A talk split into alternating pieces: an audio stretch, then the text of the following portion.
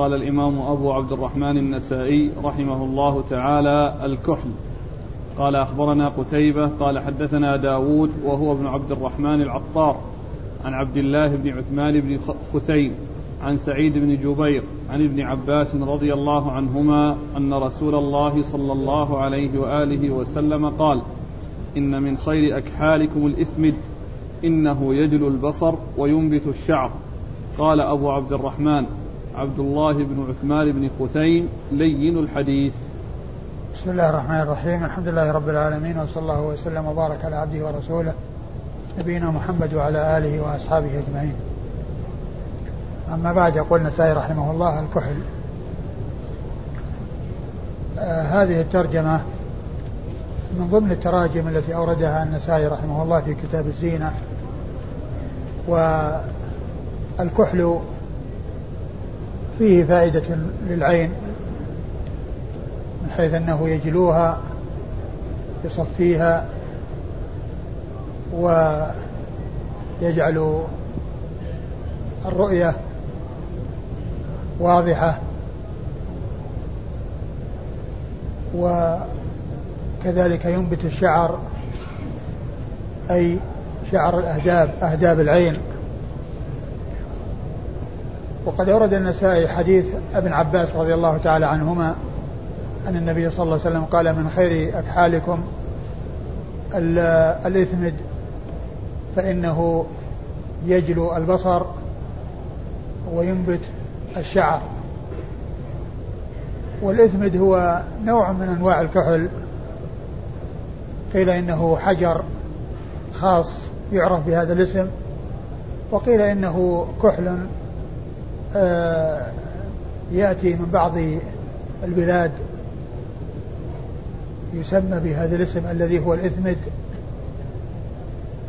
وقد أخبر النبي صلى الله عليه وسلم في هذا الحديث عن فائدته وأنها ترجع إلى البصر ووضوحه وأنه يجلوه أي يصفيه وكذلك أيضا ينبت الشعر الذي هو شعر الأهداب أهداب العين فإنه يجل البصر وينبت الشعر وإيش؟ نعم. فقط. انتهى؟ نعم. والإسناد قال أخبرنا قتيبة. قتيبة بن سعيد بن جميل بن طريف البغلاني ثقة أخرج له أصحاب كتب الستة. عن داود وهو ابن عبد الرحمن عن داود وهو ابن عبد الرحمن العطار وهو ثقة أخرج له أصحاب كتب الستة. وقتيبة لما روى عن شيخه داود بن عبد الرحمن العطار لم يزد على قوله داود أي أنه لم ينسب شيخه وهذا يسمى في علم مصطلح المهمل. ومن دون ومن دون قتيبة هو النسائي أو من دون النسائي هو الذي أتى بابن عبد الرحمن العطار. موضحا ومبينا داود هذا من هو؟ ولكنه لما لكنها لما أضيفت أي هذه النسبة لم يؤت بها متصلة بالكلام بأن يقال داود بن عبد الرحمن العطار لأنها لو جاءت على هذه الصيغة لفهم أن هذا كلام قتيبة الذي هو تلميذه. لكن لما أت... لما أتي بكلمة وهو ابن عبد الرحمن العطار علم أنها ليست من قتيبة وإنما هي ممن دون قتيبة وهو النسائي أو من دون النسائي. وهذه صيغة أو هذه إحدى الصيغ التي يؤتى بها عند بيان المهمل وعند نسبة المهمل. والصيغة الثانية يؤتى بدل وهو أو بدل هو يعني يعني عبد ابن عبد الرحمن العطار. فهما صيغتان. إحداهما يعني والثانية هو هو ابن فلان. عن عن عبد الله بن عثمان. عن عبد عن عبد الله بن عثمان بن خثيم. قد قال عنه النسائي عقب إسناد الحديث أنه لين عقب إيراد متن الحديث عبد عبد الله عبد الله بن عثمان بن خثيم لين الحديث. وقد قال عنه الحافظ في التقريب إنه صدوق. أخرج حديثه البخاري. تعليقا. البخاري تعليقا ومسلم وأصحاب السنن. نعم. البخاري تعليقا ومسلم وأصحاب السنن الأربعة. عن سعيد بن جبير. عن سعيد بن جبير وهو ثقة فقيه. أخرج له أصحاب كتب الستة. عن عبد الله بن عباس بن عبد المطلب ابن عم النبي صلى الله عليه وسلم وهو أحد العبادلة الأربعة من أصحابه الكرام وهم عبد الله بن عباس وعبد الله بن الزبير وعبد الله عبد الله بن عمر بن الخطاب وعبد الله بن عمرو بن العاص رضي الله تعالى عنهم وعن الصحابة أجمعين. وقد أطلق عليهم لقب العبادلة الأربعة من أصحاب رسول الله صلى الله عليه وسلم. وهو أيضا أحد السبعة المعروفين بكثرة الحديث عن النبي صلى الله عليه وسلم. وهم أبو هريرة وابن عمر وابن عباس وأبو سعيد وأنس وجابر وأم المؤمنين عائشة رضي الله تعالى عنهم وعن الصحابة أجمعين. ستة رجال وامرأة واحدة. الأخ يقول الإثمد أسود اللون مثل غيره من الكحل. نعم هو أسود اللون.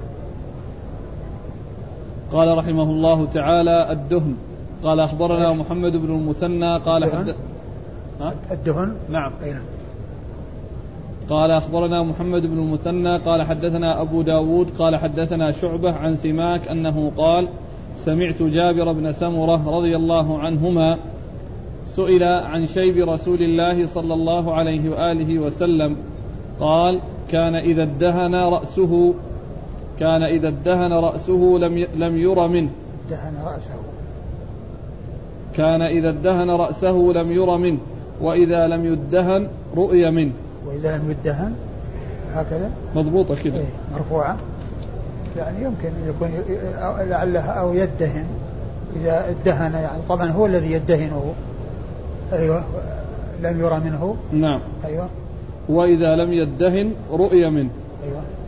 ثم ورد النسائي هذه الترجمة وهي الدهن وهي ما يفعل عند التسريح تسريح الشعر وترجيله. يعني أنه يدهن. وقد يكون الادهان يعني ب يعني بالطيب وقد يكون بغيره. وقد أورد النسائي حديث جابر بن سمرة رضي الله تعالى عنه أن النبي صلى الله أن النبي صلى أن أنه سئل عن شيب رسول الله صلى الله عليه وسلم. وقد أشار إلى قلته وأن النبي صلى الله عليه وسلم إذا ادهن رأسه يعني دهن رأسه لم يرى منه يعني أنه يغطيه. وإذا لم يدهن فإنه يرى منه أي يرى منه الشعر وذلك لقلته وأنها شعرات قليلة جدا. وقد سبق أن مر بنا الحديث في ذلك وأن أنس لما سئل عن شيب رسول الله عن خضاب رسول الله صلى الله عليه وسلم قال لم يبلغ يعني أن أن يخضب إنما كان شعرات قليلة عند العنفقة وفي الصدغين وفي الرأس. يعني وهي شعرات قليلة. جاء في بعض الروايات أنها لا تبلغ عشرين شعرة وهذا يدل على قلة شيبه صلى الله عليه وسلم. قال أخبرنا محمد بن المثنى. محمد المثنى أبو موسى العنزي الملقب الزمن البصري ثقة أخرج له أصحاب الكتب الستة بل هو شيخ لأصحاب الكتب الستة. رووا عنه مباشرة وبدون واسطة. عن أبي داود. عن أبي داود وهو سليمان بن داود الطيالسي ثقة أخرجه أصحاب الكتب الستة أخرجه البخاري تعليقا ومسلم وأصحاب السنة. عن شعبة. عن شعبة بن الحجاج الواسطي ثم البصري وهو ثقة وصف بأنه أمير المؤمنين في الحديث وحديثه أخرجه أصحاب الكتب الستة. عن سماك. عن سماك بن حرب وهو صدوق أخرج حديثه البخاري تعليقا ومسلم وأصحاب السنن عن جابر بن سمرة. عن جابر بن سمرة وهو صحابي ابن صحابي رضي الله تعالى عنهما وحديثه أخرجه أصحاب الكتب الستة. قال رحمه الله تعالى الزعفران. قال أخبرنا محمد بن علي بن ميمون. قال حدثنا القعنبي. قال حدثنا عبد الله بن زيد. عن أبيه أن ابن عمر رضي الله عنهما كان يصبغ ثيابه بالزعفران. فقيل له فقال كان رسول الله صلى الله عليه وآله وسلم يصبغ. ثم ورد النسائي الزعفران والزعفران هو نبت معروف ولونه أصفر وله رائحة طيبة و قد جاء في الحديث أن المحرم لا يمس من الثياب شيئا مسه زعفران ولا ورس يعني فهو يعني نوع من الطيب وله رائحة طيبة. وقد أورد النسائي حديث ابن عمر. وقد أورد النسائي حديث ابن عمر رضي الله تعالى عنهما أن أنه كان يصبغ بالزعفران فقيل له قال إن الرسول, الرسول كان يصبغ به. إيش لفظه؟ كان. أن ابن عمر كان يصبغ ثيابه بالزعفران فقيل له فقال كان رسول الله صلى الله عليه وآله وسلم يصبغ. كان يصبغ ثيابه بالزعفران فقيل له في ذلك أي روجع في ذلك فقال إن النبي صلى الله عليه وسلم كان يصبغ. وهذا فيه دليل على ما كان عليه أصحاب رسول الله صلى الله عليه وسلم من الاتباع. وأيضا كذلك سؤال يعني آه، التابعين وكذلك الصحابة سؤال بعضهم بعضا عن الشيء الذي يرى آه، العالم أو الذي له منزلة يفعله فإنه إذا سأله يجيب بالأثر. ولهذا قال ابن عمر كان الرسول لم يصبغ يعني به فهذا هو مستنده وهذا هو دليله. وقد اختلف أهل العلم باستعمال استعمال الزعفران والصبغ به. فمن أهل العلم من أجازه مطلقا يعني في حق الرجال والنساء ومنهم من منعه في حق الرجال دون النساء ومنهم من منعه في حال الإحرام وأجازه في غير حال الإحرام. للحديث الذي ورد أنه لا أن المحرم لا يمس من الثياب شيء مسه زعفران أو ورس ومن العلماء من قال إنه آه أنه يستعمل في الجسد دون الثياب أو في الثياب يعني في الثوب دون الجسد. الحاصل أن فيه أقوال يعني عديدة وهذا الحديث يدل على استعماله في الثياب والصبغ به وأن ابن عمر رضي الله عنه وأرضاه كان يفعله وأنه يفعل ذلك اقتداء برسول الله صلى الله عليه وسلم. وقد جاء بعض الأحاديث التي فيها النهي عن التزعفر فحمله بعضهم على يعني الجسد آه، دون آه، آه، الثياب. وفي المسألة كما قلت أقوال والحديث يدل على جواز استعماله في الثياب لكن هذا في غير الإحرام لأنه قد ورد عن النبي صلى الله عليه وسلم المنع من ذلك فيما يتعلق بالإحرام. قال أخبرنا محمد بن علي بن ميمون. محمد بن علي بن ميمون هو الرقي وهو ثقة أخرج حديثه النسائي وحده. عن القعنبي. عن القعنبي هو عبد الله بن مسلمة بن قعنب القعنبي وهو ثقة أخرج حديثه أصحاب الكتب الستة إلا ابن ماجه. عن عبد الله بن زيد. عن عبد الله بن زيد بن أسلم وهو صدوق يهم. فيه لين. صدوق فيه لين أخرج حديثه البخاري في الأدب المفرد والترمذي والنسائي. والترمذي والنسائي. البخاري في الأدب المفرد والترمذي والنسائي. عن أبيه زيد بن أسلم وهو ثقة أخرج له أصحاب الكتب الستة. عن ابن عمر. عن ابن عمر عبد الله بن عمر بن الخطاب رضي الله تعالى عنهما وهو أحد العباد له الأربعة وأحد السبعة المعروفين بكثرة الحديث عن النبي صلى الله عليه وسلم. قال رحمه الله تعالى العنبر. قال أخبرنا أبو عبيدة بن أبي السفر عن عبد الصمد بن عبد الوارث قال حدثنا بكر المزلق قال حدثنا عبد الله بن عطاء الهاشمي عن محمد بن علي أنه قال سألت عائشة رضي الله عنها أكان رسول الله صلى الله عليه وآله وسلم يتطيب؟ قالت نعم بذكارة الطيب المسك والعنبر. ثم أورد النسائي هذه الترجمة وهي العنبر وهو نوع من الطيب.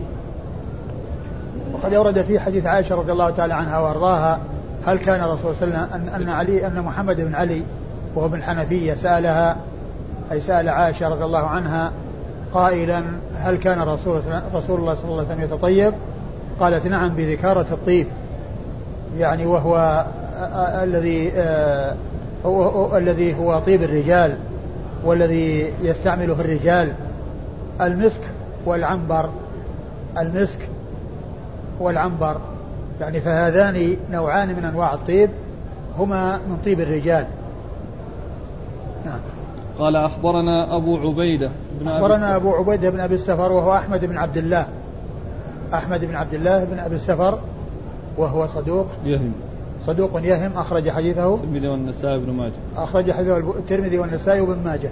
عن عبد الصمد بن عبد الوارث. عن عبد الصمد بن عبد الوارث العنبري وهو صدوق أخرج له أصحاب كتب الستة. عن بكر المزلق. عن بكر المزلق وهو بكر بن الحكم. بكر بن الحكم المزلق وهو صدوق. فيه لين. صدوق فيه لين أخرج حديثه. النسائي. أخرج حديثه النسائي وحده. عن عبد الله بن عطاء الهاشمي. عن عبد الله بن عطاء الهاشمي وهو الطائفي الطائفي وهو ثقة. صدوق يخطئ. وهو, وهو صدوق يخطئ أخرج له مسلم وأصحاب السنن أخرج له مسلم وأصحاب السنن الأربعة عن محمد بن علي عن محمد بن علي بن أبي طالب وهو ابن الحنفية وهو ثقة أخرج له أصحاب الكتب الستة. عن عائشة. عن عائشة أم المؤمنين رضي الله عنها وأرضاها الصديقة بنت الصديق وهي واحدة من سبعة أشخاص عرفوا بكرة الحديث عن النبي صلى الله عليه وسلم.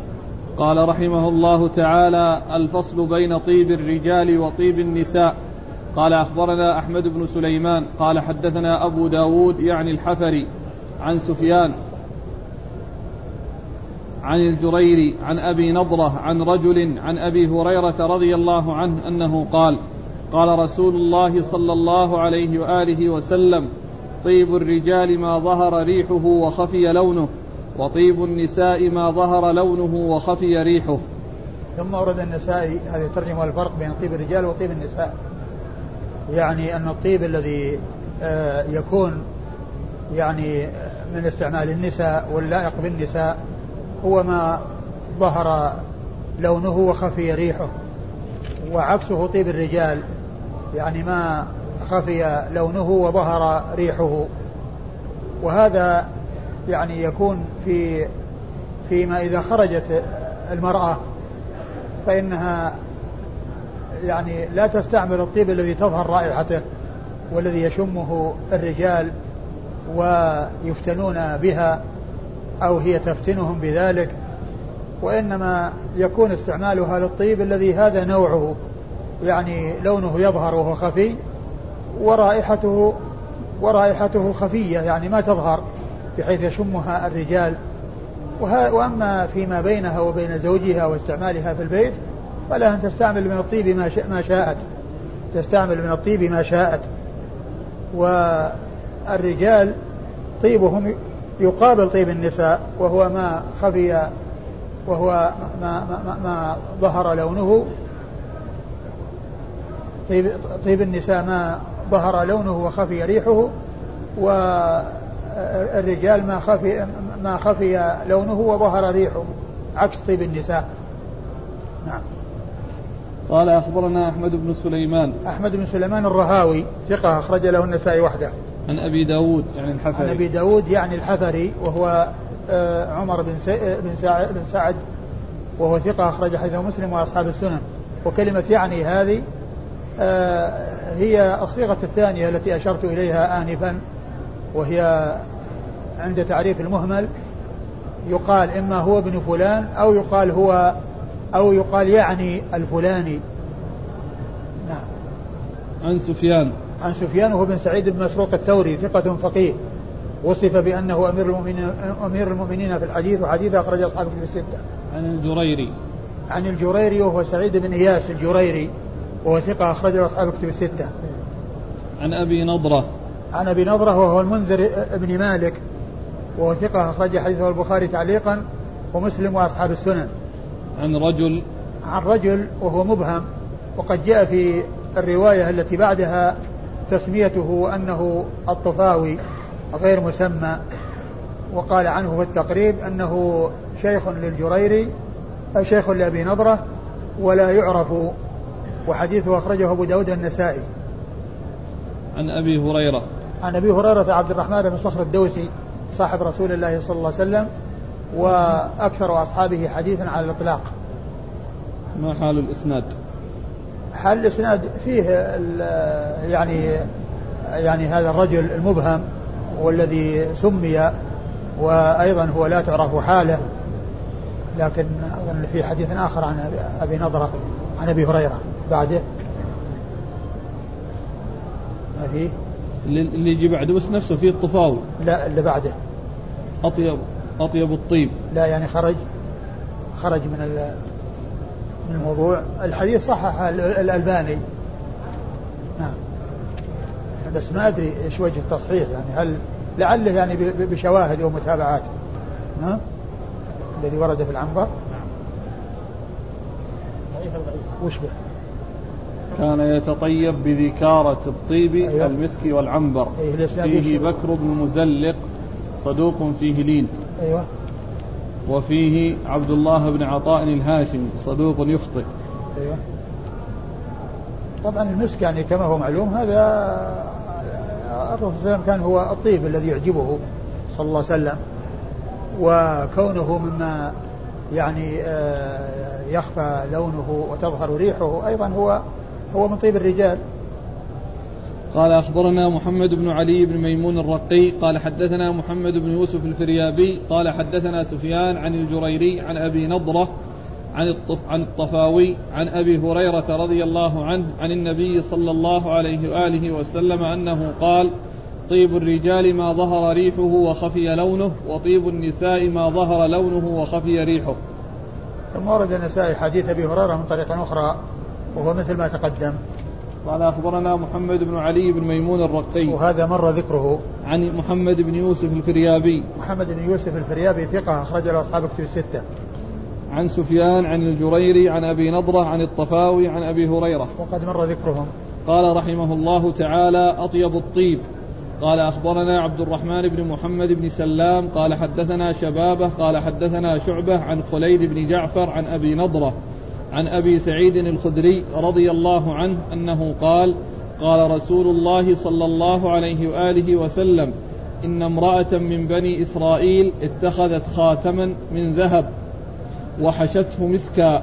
قال رسول الله صلى الله عليه وآله وسلم هو أطيب الطيب.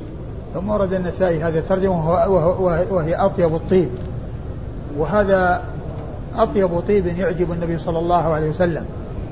ولهذا كان يتطيب به وكان أيضا يشبه به حيث قال مثل الجليس الصالح كحامل المسك ومثل جليس السوء كنافخ الكير لأنه هو أظهر الطيب وهو أطيب الطيب. ولهذا أطلق عليه النبي صلى الله عليه وسلم أنه أطيب الطيب. أورد النسائي حديث أبي هريرة. حديث أبي هريرة رضي الله عنه. حديث أبي سعيد الخدري. حديث أبي سعيد الخدري رضي الله عنه أن امرأة من بني إسرائيل اتخذت خاتما من ذهب. من ذهب وحشته طي وحشته مسكا يمكن أن يكون يعني مثلا كونها حشته أن يكون يعني مثلا فيه يعني آه يعني آه أما في فصه أو كذا يعني يكون منخفض وأنها وضعت فيه. يعني حتى يكون يعني شيء يعني ملازم لها وأن الريح تظهر منه يعني باستمرار. فقال النبي صلى الله عليه وسلم إنه أطيب الطيب. والمقصود من ذلك الإشارة إلى كونه أطيب الطيب. وأما كون المرأة تستعمله وتخرج به فهذا لا يجوز. ما دام أن ريحه تظهر ومن المعلوم أنه مما يخفى لونه وتظهر ريحه. والمرأة لا يجوز لها أن تظهر بشيء فيه رائحة. وسيأتي في حديث أو في بعض الأحاديث الآتية أن المرأة إذا تطيبت وخرجت ليجد الناس آه، ريح طيبها فإنها تكون زانية. فالمقصود من قوله صلى الله عليه وسلم هو أطيب الطيب الإشارة إلى المسك أطيب الطيب. وليس المقصود من ذلك يعني إقرار صنيعها وأن المرأة تخرج يعني ومعها أثر الطيب. الذي يشمه الرجال والذي يفتتن به الرجال بل هذا قد جاء ما يدل على النهي عنه. ولكن الشيء الذي آه، يدل عليه الحديث والذي ترجم له النسائي هو كون المسك أطيب الطيب. قال أخبرنا عبد الرحمن بن محمد بن سلام. عبد الرحمن بن محمد بن سلام وهو لا بأس به وحديثه أخرجه أبو داود والنسائي. عن شبابه. عن شبابه بن سوار وهو ثقة أخرجه أصحاب كتب الستة. عن شعبة عن خليد بن جعفر. عن شعبة وقد مر ذكره عن خليد بن جعفر وهو صدوق أخرج له مسلم والترمذي والنسائي. وهو صدوق أخرج حديثه مسلم والترمذي والنسائي. عن أبي نضرة عن أبي سعيد. عن أبي نضرة وقد مر ذكره عن أبي سعيد وهو سعد بن مالك بن سنان الخدري مشهور بكنيته ونسبته وهو أحد السبعة المعروفين بكثرة الحديث عن النبي صلى الله عليه وسلم. قال رحمه الله تعالى التزعفر والخلوق. قال أخبرنا محمد بن منصور قال حدثنا سفيان عن عمران بن ظبيان عن حكيم بن سعد عن أبي هريرة رضي الله عنه أنه قال جاء رجل إلى النبي صلى الله عليه وآله وسلم به ردع من خلوق فقال له النبي صلى الله عليه وآله وسلم اذهب فانهك. ثم أتاه فقال اذهب فانهك. ثم أتاه فقال اذهب فانهكه ثم لا تعد. ثم أورد النسائي التزعفر والخلوق. التزعفر يعني استعمال الزعفران. والخلوق هو قيل وطيب مركب من الزعفران وغيره. مركب من الزعفران وغيره. وقد سبق أن مر بنا أن فيما يتعلق بالزعفران وفيما يتعلق بالخلوق. أن ابن عمر كان يفعل ذلك. وأنه قال إن النبي صلى الله عليه وسلم كان يفعله يعني فهو يقتدي برسول الله صلى الله عليه وسلم. وهذا ال هذه ال وهذه الأحاديث التي أوردها النسائي تحت هذه الترجمة تدل على النهي عن استعماله لكنها فيها ضعف. يعني الأحاديث من الطرق المختلفة آه، فيها من هو متكلم فيه ومن هو ضعيف. وقد أورد النسائي حديث أبي هريرة. حديث أبي هريرة رضي الله عنه أن رجلا جاء إلى النبي صلى الله عليه وسلم وبه ردع من خلوق. من خلوق فقال اذهب فانهكه يعني أزله وبالغ في إزالته يعني في غسله وإزالته. ثم جاء فقال اذهب فانهكه ثم قال لا تعد. يعني معناه أنه نهاه عن ذلك وعن استعمال يعني هذا النوع من الطيب. لكن حديث ابن عمر الذي مر سواء فيما يتعلق بالخلوق وفيما يتعلق بالزعفران يدل على خلاف ذلك. نعم. قال أخبرنا محمد بن منصور. محمد بن منصور الجواز المكي ثقة أخرج حديثه النسائي وحده. عن سفيان عن سفيان. وهو بن عيينة المكي وهو ثقة أخرج له أصحاب كتب الستة. عن عمران بن ظبيان عن عمران بن ظبيان وهو ضعيف. نعم. أخرج له البخاري في الأدب المفرد والنسائي. البخاري في الأدب المفرد والنسائي. عن عن حكيم بن سعد. عن حكيم بن سعد وهو صدوق أخرج له البخاري في الأدب المفرد والنسائي. صدوق أخرج حديثه البخاري في الأدب المفرد والنسائي. عن أبي هريرة. عن أبي هريرة عبد الرحمن بن صخر الدوسي وقد مر ذكره. قال أخبرنا محمد بن عبد الأعلى قال حدثنا خالد عن شعبة عن عطاء بن السائب أنه قال سمعت أبا حفص بن عمرو وقال على إثره يحدث عن يعلى بن مرة أن على أن أنه مر على النبي صلى الله عليه وآله وسلم وهو متخلق فقال له هل لك امرأة؟ قلت لا. قال فاغسله ثم اغسله ثم لا تعد.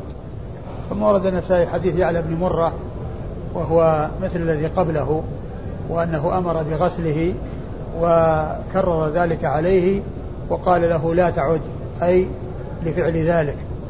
أيوة قال أخبرنا محمد بن عبد الأعلى محمد بن عبد الأعلى الصنعاني وهو ثقة أخرج حديثه مسلم وأبو داود في القدر والترمذي والنسائي وابن ماجه. عن خالد. عن خالد بن الحارث البصري ثقة أخرج له أصحاب الكتب الستة. عن شعبة عن عطاء بن السائب. عن شعبة مر ذكره عطاء بن السائب وهو صدوق اختلط وحديثه أخرجه البخاري وأصحاب السنة الأربعة. عن أبي حفص بن عمرو. عن أبي حفص بن عمرو وهو عبد الله بن عبد الله بن حفص. إيه؟ نعم عبد الله بن حفص وهو مجهول نعم. وحديثه أخرجه النسائي. أخرجه النسائي وحده. وقال على إثره يحدث عن يعلى بن مرة. نعم. يحدث عن يعلى بن مرة وهو صحابي. أخرج حديثه البخاري في الأدب المفرد وأبو داود في القدر والترمذي والنسائي وابن ماجه. البخاري في الأدب المفرد وأبو داود في القدر والترمذي والنسائي. وابن ماجه. وابن ماجه. قال أخبرنا محمود بن غيلان قال حدثنا أبو داود قال حدثنا شعبة عن عطاء أنه قال سمعت أبا حفص مكتوب. يقول قال سمعت حفص بن مر ابن عمرو. أيوة. وفي الحاشية في النظامية أبا حفص. أيوة. صحيح؟ يعني هناك في الأول أبو حفص اللي مر. أي. أبو حفص. سمعت هو, أب... هو ورد فيه يعني عدة يعني صيغ لكن ما أدري هل يعني هل جاء فيها حفص ولا لا؟ اللي فيه عبد الله بن حفص وحفص بن عبد الله أه؟ قيل كذا وقيل. أيوه. بالتقريب. ولا في حفص بن عمرو؟ لا ما شفت. اي ما أدري. على كل هو اختلف في يعني فيه. نعم. عن قال سمعت وهو نفسه المجهول. أي. نعم. قال سمعت أبا حفص بن عمرو عن يعلى بن مرة رضي الله عنه أن رسول الله صلى الله عليه وآله وسلم أبصر رجلا متخلقا. قال اذهب فاغسله ثم اغسله ولا تعد. وهذا مثل الذي قبله. قال أخبرنا محمود بن غيلان. محمود بن غيلان هو المروزي وهو ثقة. أخرج حديث أصحاب الكتب الستة إلا أبا داود. عن أبي داود عن شعبة عن عطاء عن أبي حفص بن عمرو عن يعلى بن مرة. وقد مر ذكرهم جميعا. قال أخبرنا محمد بن المثنى قال حدثنا أبا قال حدثنا أبو داود قال حدثنا شعبة عن عطاء عن ابن عمرو. وفي النظامية عن أبي عمرو. أيوة.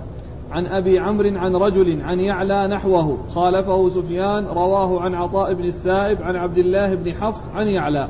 ثم ذكر الحديث وقال نحوه أي قريبا منه في اللفظ لأن كلمة نحوه تعني آه، اتفاقه معه في المعنى مع الاختلاف في الألفاظ يعني بالنسبة للمتن.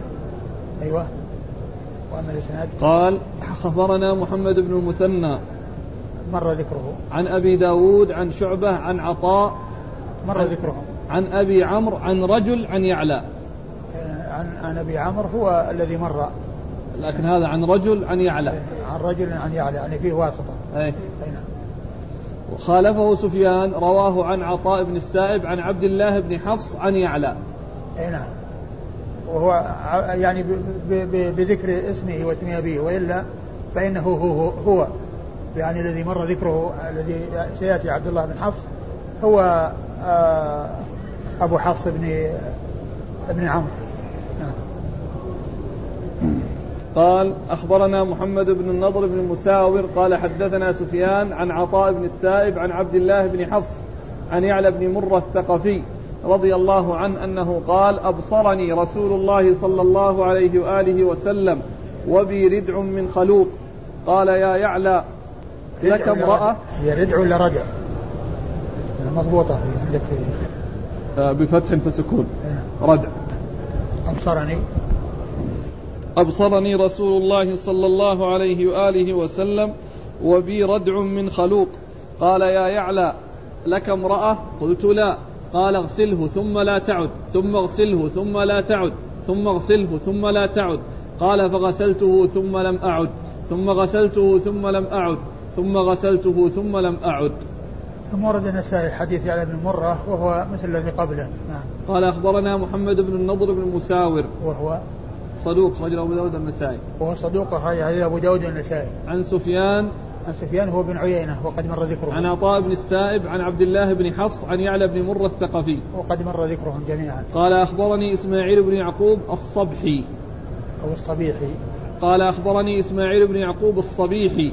قال حدثنا ابن موسى يعني محمدا قال أخبرني أبي عن عطاء بن السائب عن عبد الله بن حفص عن يعلى رضي الله عنه أنه قال مررت على رسول الله صلى الله عليه وآله وسلم وأنا متخلق فقال أي يعلى هل لك امرأة؟ قلت لا. قال اذهب فاغسله ثم اغسله ثم اغسله. لا تعد. قال فذهبت فغسلته ثم غسلته ثم غسلته ثم لم أعد. ثم ورد النسائي حديث يعلى بن مرة وهو مثل الذي قبله والإسناد. قال أخبرني إسماعيل بن يعقوب الصبيحي. إسماعيل بن يعقوب الصبيحي وهو ثقة أخرجه النسائي. ثقة أخرج حديث النسائي وحده. عن ابن موسى يعني محمدا. محمد بن موسى بن أعين وهو صدوق. نعم أخرج له البخاري والنسائي. أخرج له البخاري والنسائي. عن أبيه موسى بن أعين وهو ثقة. أخرج له أصحاب الكتب إلا الترمذي. أصحاب الكتب إلا الترمذي. عن عطاء بن السائب عن عبد الله بن حفص عن يعلى. وقد مر ذكرهم. قال رحمه الله تعالى ما يكره للنساء من الطيب. والله تعالى أعلم وصلى الله وسلم وبارك على عبده ورسوله نبينا محمد وعلى آله وأصحابه أجمعين.